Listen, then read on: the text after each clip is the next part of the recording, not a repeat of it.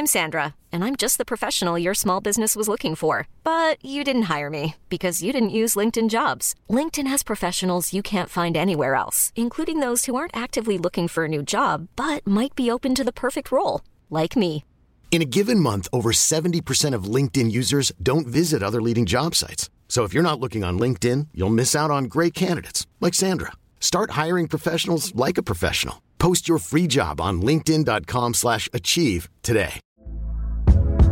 Hey there, it's Michelle Norris. I'm host of a podcast called Your Mama's Kitchen. When I travel, I'm usually looking for a way to find a taste of home when I'm not at home. And one of the things I love to do when I am at home is entertain. And Airbnb allows me to do that. When I was in California recently, I rented a house that had a great kitchen. And when we were sitting around the table, we're all thinking, we're in someone else's house. Someone could be in all of our homes as well. If you have a home, but you're not always at home, you have an Airbnb. Your home might be worth more than you think. Find out how much at airbnb.com/slash host.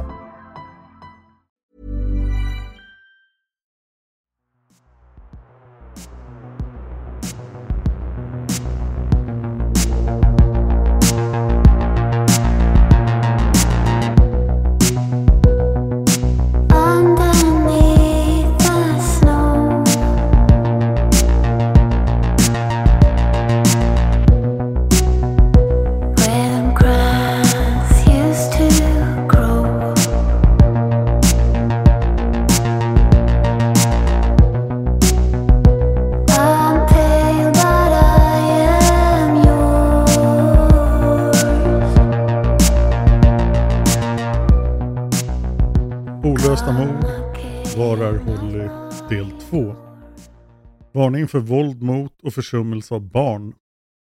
Det här avsnittet är skrivet av Sofie Karlsson. Klippning har gjorts av David Oskarsson och jag heter Dan Hörning. Det här är en podd som bara ställer frågor och aldrig ger några svar. Vad tror du själv? Kontakta oss gärna med teorier om fallen som vi tar upp. Kontaktinformation finns i avsnittstexten i din poddapp och i slutet av avsnittet. Om du tycker om den här podden och vill att den ska fortsätta komma ut en gång i veckan så kan du stötta den. Och det gör du på patreon.com. Patreon.com. Sök på olösta mord. Och Patreon funkar så att om du väljer att sponsra den här podden så sponsrar du den per avsnitt. Det innebär att vi inte får några pengar om vi inte gör några avsnitt. Och förut när podden kom ut en gång varannan vecka så betalar du alltså bara pengar varannan vecka, men nu är det per vecka. Då. Du kan också sätta ett eh, maxantal veckor du vill sponsra per månad. Patreon.com, sök på olösta mord. Vi hade nyligen en eh, Mördarpodden-öl för de som sponsrar Mördarpodden. Och vi funderar på att göra något liknande för olösta mord, men mer information om det på Patreon. I del 1 av den här serien hittades en kvinna och en man mördade i Texas sumpmarker 1981. Kvinnan hade dött till följd av strypning. Mannen hade blivit misshandlad och fått motta flera slag mot huvudet, vilket hade orsakat hans död. Paret och deras relation till varandra förblev en gåta i 40 år. Inte förrän år 2021 kunde deras identiteter fastställas. Mannen var den 21-årige Dean Klaus och kvinnan var hans 17-åriga fru Tina Klaus. I slutet av förra avsnittet kontaktade en av de personerna som hade identifierat paret, Alison Peacock, Deans syster Debbie. Debbie var lättad över att äntligen få veta vad som hade hänt Dean och Tina. Men hon ställde också en för Allison väldigt oväntad fråga. Vad hände med bebisen? Var är Holly? Och då kanske du undrar, vem är Holly? Och det kommer jag givetvis att berätta. Men vi börjar med att backa bandet för att lära känna Dean och Tina. Det länge oidentifierade paret som hittades mördade 1981. Vi backar ända tillbaka till 1941. Det året föddes en flicka som fick namnet Donna. När Donna hade funnits på den här planeten i bara två veckor lämnade hennes föräldrar bort henne till ett barnhem. De ville inte ha sin dotter. När barnhemmet upptäckte att Donna hade en stor släkt la de ansvaret på släkten att ta hand om henne. Donna flyttades från hem till hem och det var ingen som lät henne bo kvar i mer än ett par månader i taget. Flera av de vuxna som var ansvariga för att ta hand om Donna både försummade och misshandlade den lilla flickan. I ett av hemmen hittade Donna ett hål i väggen där hon ofta kröp in och gömde sig från en av sina våldsamma morbröder. Trots den här traumatiska uppväxten lyckades Donna skapa ett bra liv för sig själv. Som ung vuxen träffade hon kärleken i en man som hette Harold Klaus. Harold och Donna gifte sig. De bodde i Lexington i delstaten Kentucky. Ungefär nio månader efter bröllopet födde Donna en dotter. Hon fick namnet Debbie. Den 7 juni 1959 födde Donna en son som fick namnet Dean Klaus. Det vill säga samme Dean som 21 år senare hittades mördad i Texas. Debbie och Dean fick sedan fyra småsyskon. Den totala syskonskaran, Klaus, bestod alltså av sex bröder och systrar. Som barn var Dean glad, energisk och utåtriktad. Han retade ofta gallfeber på stora syster Debbie. Dessutom kände sig Debbie ofta åsidosatt av framförallt deras pappa. Eftersom Dean alltid krävde och fick mycket av föräldrarnas uppmärksamhet. Dean var också en väldig retsticka, både mot sina syskon och mot barn i grannskapet. Ändå var han populär och fick många vänner. Han fick alltid alla att skratta till slut. År 1966, precis innan Dean fyllde sju år, dog hans pappa Harold på grund av någon slags kronisk sjukdom. Donna sörjde Harold men något år efter hans död gifte hon om sig med en man som hette Enrique Casanta. Donna tog Enriques efternamn och blev Donna Casanta. Men hennes barn fick ha kvar efternamnet Klaus. Enrique och Dean kom bra överens och Enrique blev en fadersfigur i Deans liv. Tyvärr dog även Enrique 1971 när Dean var 12 år. Det här tog hårt på Dean och han sa till sin mamma Det här är inte rättvist. Varför har jag förlorat två pappor? Donna medgav att det inte var särskilt rättvist, inte alls rättvist. Men hon sa också att livet är fullt av uppförsbackar och nedförsbackar. Och ibland måste man acceptera det som inte känns rättvist. Donna upplevde att Dean förändrades efter Enriques död. Han kändes vilsen och ensam. Donna upplevde att Dean blev en sökare och han sökte efter någonting som han aldrig verkade hitta. När Dean blev tonåring blev han extra populär bland tjejerna. Han var smal och muskulöst byggd med tjockt brunt hår på huvudet. 1974, när Dean var 15 år gammal, flyttade familjen till New Smyrna Beach i delstaten Florida. New Smyrna Beach ligger ungefär 12 timmar söderut med bil från Lexington, där Dean föddes. New Smyrna Beach ligger precis på Floridas östkust, alltså vid Atlanten. Som namnet avslöjar finns det otroligt fina stränder där och staden har prisats för sin fina surfing. Lite mindre lockande dock är en annan titel staden har fått. New Smyrna Beach har blivit världens huvudstad för hajbett år 2012. I den senaste befolkningsräkningen, 2020, bodde det cirka 30 000 människor i New Smyrna Beach. Seriemördaren Aileen Vernos härjade i Florida. Och hennes favoritpub låg bara 15 minuter från New Smyrna Beach. Den hette The Last Resort. Aileen Vernos är seriemördarpoddens julspecial för 2023. Missa inte det. Dean Klaus skulle dock aldrig träffa Eileen Vernus. Ju äldre Dean blev, desto mer empatisk blev han. Han satte ofta andras behov framför sina egna och var mån om att alla omkring honom skulle må bra. Dean var både en riktigt fin bror och en bra vän. Han var dessutom väldigt vänlig mot främlingar. Exempelvis plockade han ofta upp liftare. Lifta aldrig och plocka aldrig upp liftare. Det tyckte inte heller Deans syskon och hans mamma Donna. De var inte nöjda över att Dean plockade upp liftare. När Donna skällde på honom och försökte förklara att det skulle kunna vara farligt svarade han Men mamma, de är ju människor precis som du och jag. De har det bara lite kämpigt just nu. Och jag vill gärna hjälpa till. Det är här, i Deans äldre tonår, som en spricka började uppstå mellan honom och hans mamma Donna. Dean börjar röka marijuana, vilket Donna inte uppskattar. Förutom att hon är orolig för hans hälsa är hon också orolig över att han ska bli gripen av polisen eftersom marijuana inte är lagligt på den här tiden i Florida. Donna försöker även förklara för Dean att hon själv kan bli gripen om polisen hittar marijuana i hennes hem. Och om hon greps, då skulle det finnas en risk att hon skulle förlora vårdnaden om sina barn. Därför var Dean tvungen att skärpa till sig. Och det här fungerar. Donna når fram till sin son. Dean slutar röka marijuana och verkar lugna ner sig.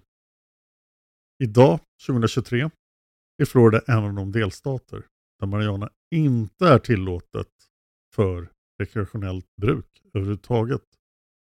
Många andra stater har ju lättat upp de här lagarna.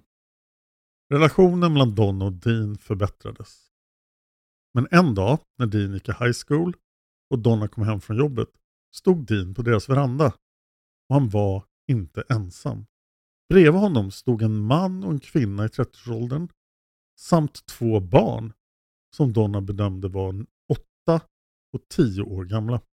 Alla på verandan var klädda i långa mantlar.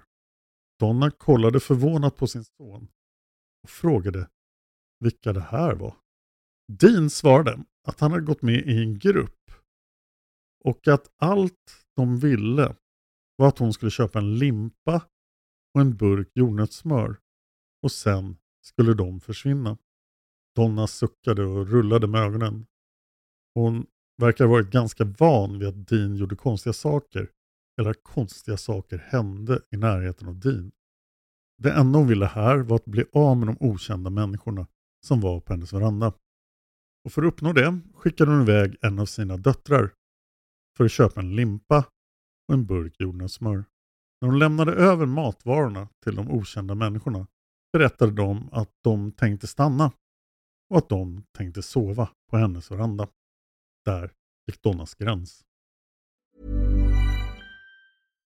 If you're looking for plump lips that last, you need to know about Juvederm lip fillers. With Juvederm Volbella XC and Juvederm Ultra XC, your lip look, whether it's subtle or bold, can last up to one full year with optimal treatment and no additional maintenance. Find a licensed specialist and see if it's right for you at juvederm.com today. That's J U V E D E R M.com. Add fullness to lips in adults over 21 with Juvederm Volbella XC or Juvederm Ultra XC. Do not use if you have severe allergies or a history of severe allergic reactions, or if you're allergic to lidocaine or the proteins used in Juvederm. Tell your doctor if you have a history of scarring or taking medicines that decrease the body's immune response or that can prolong bleeding. Common side effects include injection site redness, swelling, pain, tenderness, firmness, lumps, bumps, bruising, discoloration, or itching. As with all fillers, there's a rare risk of unintentional injection into a blood vessel, which can cause vision abnormalities, blindness, stroke, temporary scabs, or scarring. For full important safety information, visit juvederm.com.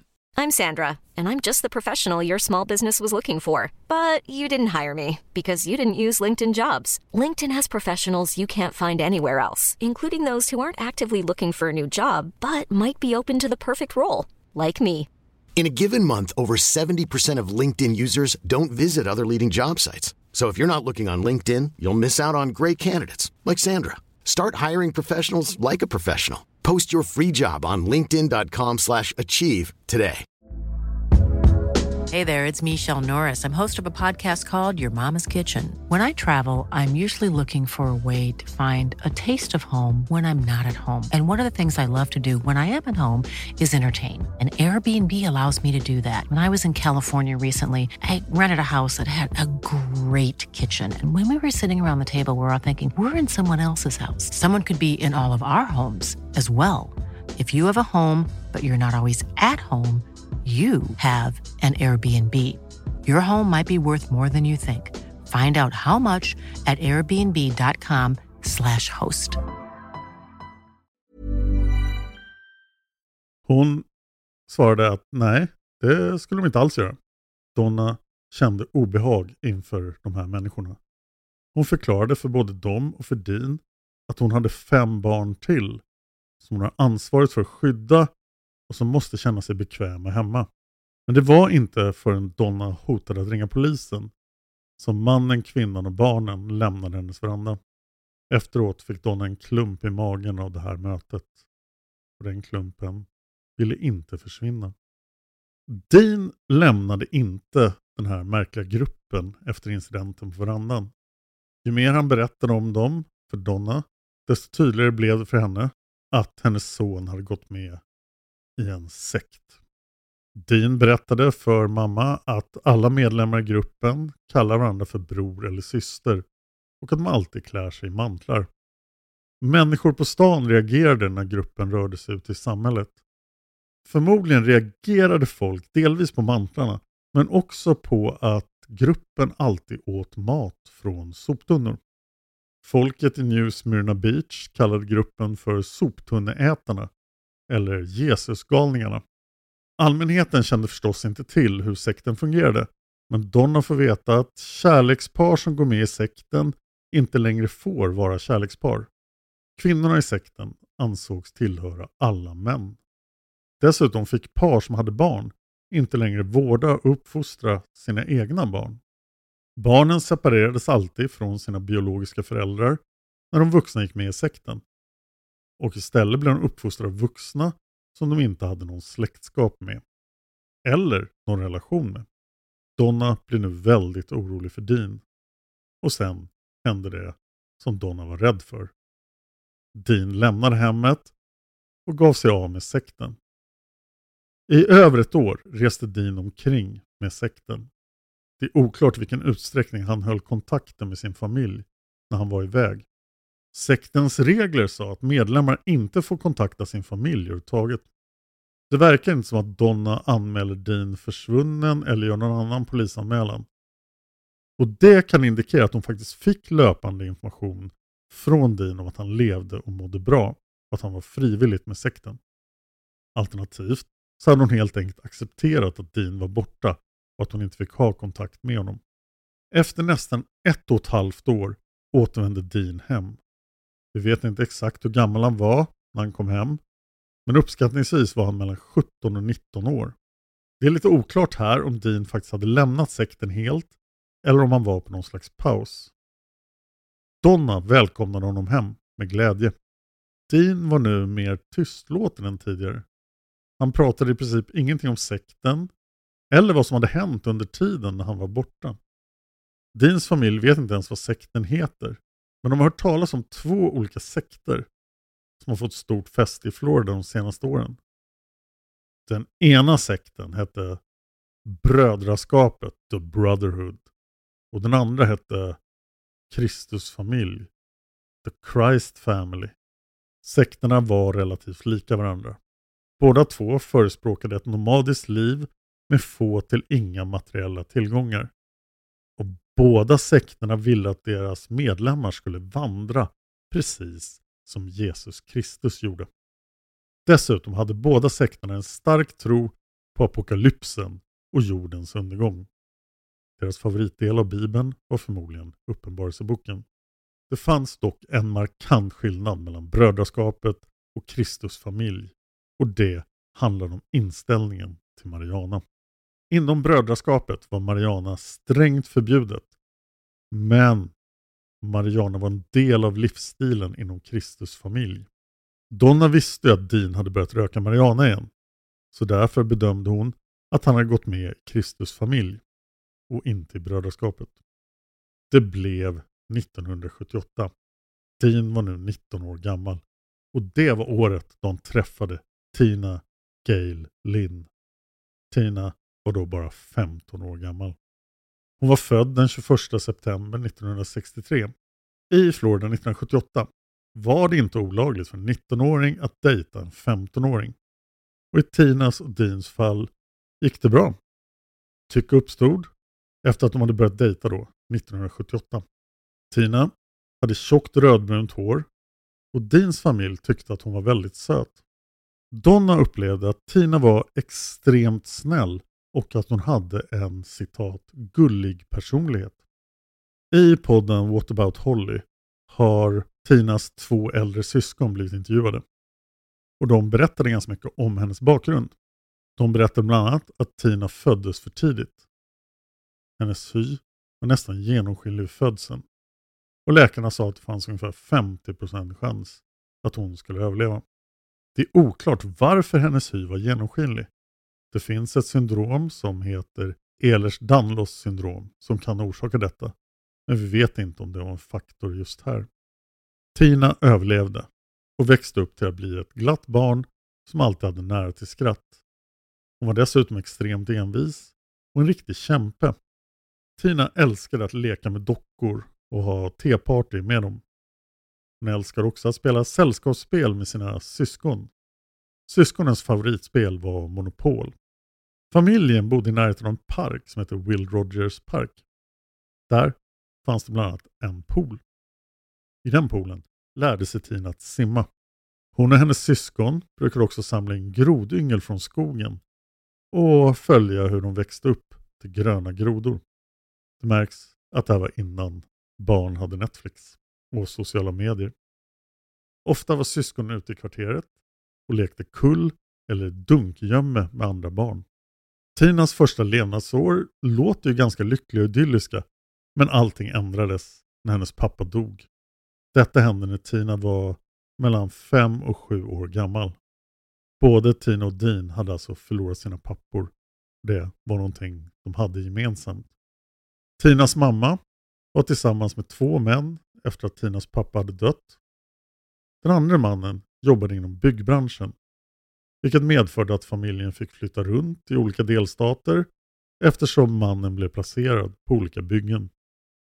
Den här mannen hade ett alkoholmissbruk och det ledde till att Tinas mamma också började missbruka alkohol. Det söps friskt i hemmet. Den tidigare lyckliga och idylliska uppväxten förvandlades till en mardröm kantad av missbruk, kontroll och psykisk misshandel. Vid ett tillfälle fick Tina exempelvis inte gå på ett pyjamasparty hos en kompis som straff för att hon hade ätit upp den sista hamburgaren kvällen innan pyjamaspartyt. 1978 träffade alltså 15-åriga Tina den 19-åriga Dean och de blev kära. De gifte sig snart i hemlighet. En dag ganska kort efter att paret började dejta kom Dean hem med ett papper i handen. Han la det på bordet framför mamma Donna och sa att det var hans äktenskapsbevis. Donna blev chockad men inte arg. Hon kunde inte förstå varför Dean inte hade berättat om parets planer. Donna hade gärna pratat med Tinas familj och hjälpt till att anordna ett litet bröllop. Men Dean berättar att han inte ville ha någon ceremoni eller någon fest. Det enda som betydde någonting, sa Dean, var att han och Tina var gifta. Under 1979 blev Tina gravid. Den 24 januari 1980 födde hon en dotter som döptes till Holly Marie Klaus. Och nu har jag svarat på frågan. Vem är Holly? Holly är alltså Deans och Tinas dotter. Och det var henne som Debbie undrade om i slutet av förra avsnittet. För, som du vet, det hittades ju ingen barnkropp på fyndplatsen i Texas där Tina och Dean hittades mördade. Fyndet gjordes ju i januari 1981. Det var alltså ungefär ett år efter Hollys födsel.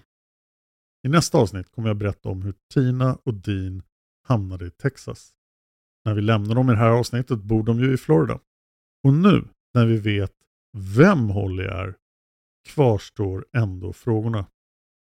Vad hände med bebisen? Var är Holly?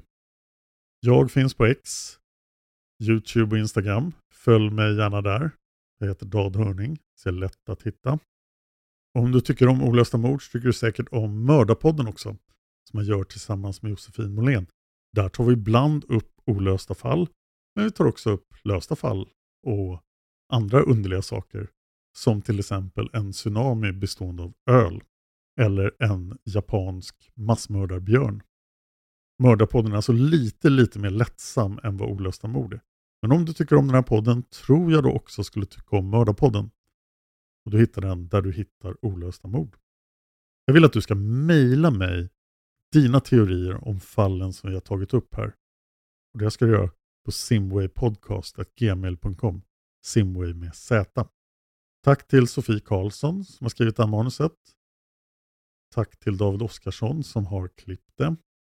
Tack till Trippnaha för låten Immune som ni hör i början och slutet av varje avsnitt.